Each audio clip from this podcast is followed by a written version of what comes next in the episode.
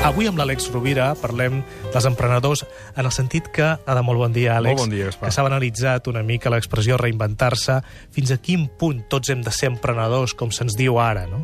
Crec que se'n fa un abús, personalment. Crec que no tothom té la... la... Evidentment, cadascun de nosaltres eh, té una sèrie d'habilitats, però precisament com des de la política s'ha generat una destrucció tremenda d'ocupació pública, no hi ha oferta de- d'ocupació pública o apenes n'hi ha, i durant tots aquests anys hi ha hagut una destrucció enorme d'ocupació privada, doncs el recurs fàcil ara és dir vinga, anem tots a emprendre. I no és tan fàcil. És a dir, a més, eh, les habilitats... Qui emprèn posa en marxa una cosa, però què, és, què estan buscant? Em, emprenedors o empresaris?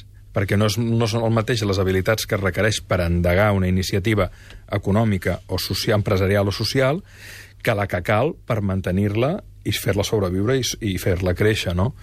Penso que és un concepte que s'ha banalitzat molt, que sí que és cert que es pot fer una certa pedagogia i que, de fet, s'està incorporant i en altres països del món on eh, la reflexió sobre el fet d'arriscar-se, em, em, emprendre, implica també manegar una sèrie d'habilitats, com són eh, poder gestionar bé el coratge, poder gestionar bé la captació d'oportunitats que ha no només en el teu entorn, sinó en un entorn extern, sinó en un entorn extern, etc etc etc. I això requereix un temps. Una persona que s'ha passat tota la vida desenvolupant un ofici, eh, posàvem l'exemple micròfon tancat del que és cambrer, o del que, el que ha treballat en una oficina bancària, o el que ha estat eh, en el sector de la construcció, en aquesta persona dir-li que ha de ser emprenedor és, eh, pot ser una bajanada en molts casos perquè no té les habilitats, perquè no ha rebut l'oportunitat de la formació ni de la reflexió que implica això, i a lo aquesta persona s'endeuta,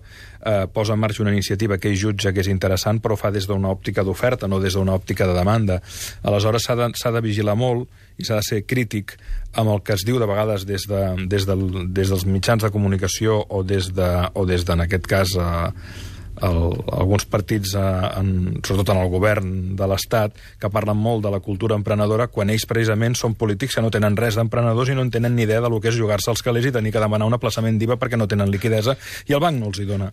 Aleshores, per no escalfar-me, crec que és important obrir el debat sobre això i dir que no és tan fàcil i que si volen fer emprenedors, que inverteixin calés en generar oportunitats i que donguin un vector, un horitzó, de què volen que sigui l'estat espanyol d'aquí uns quants anys, que per cert encara no ens ho han dit.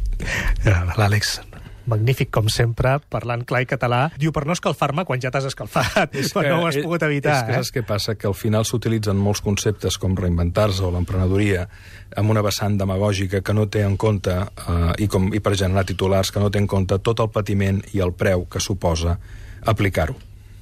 Àlex, moltíssimes gràcies. Moltes una abraçada, gràcies, bona una setmana. abraçada.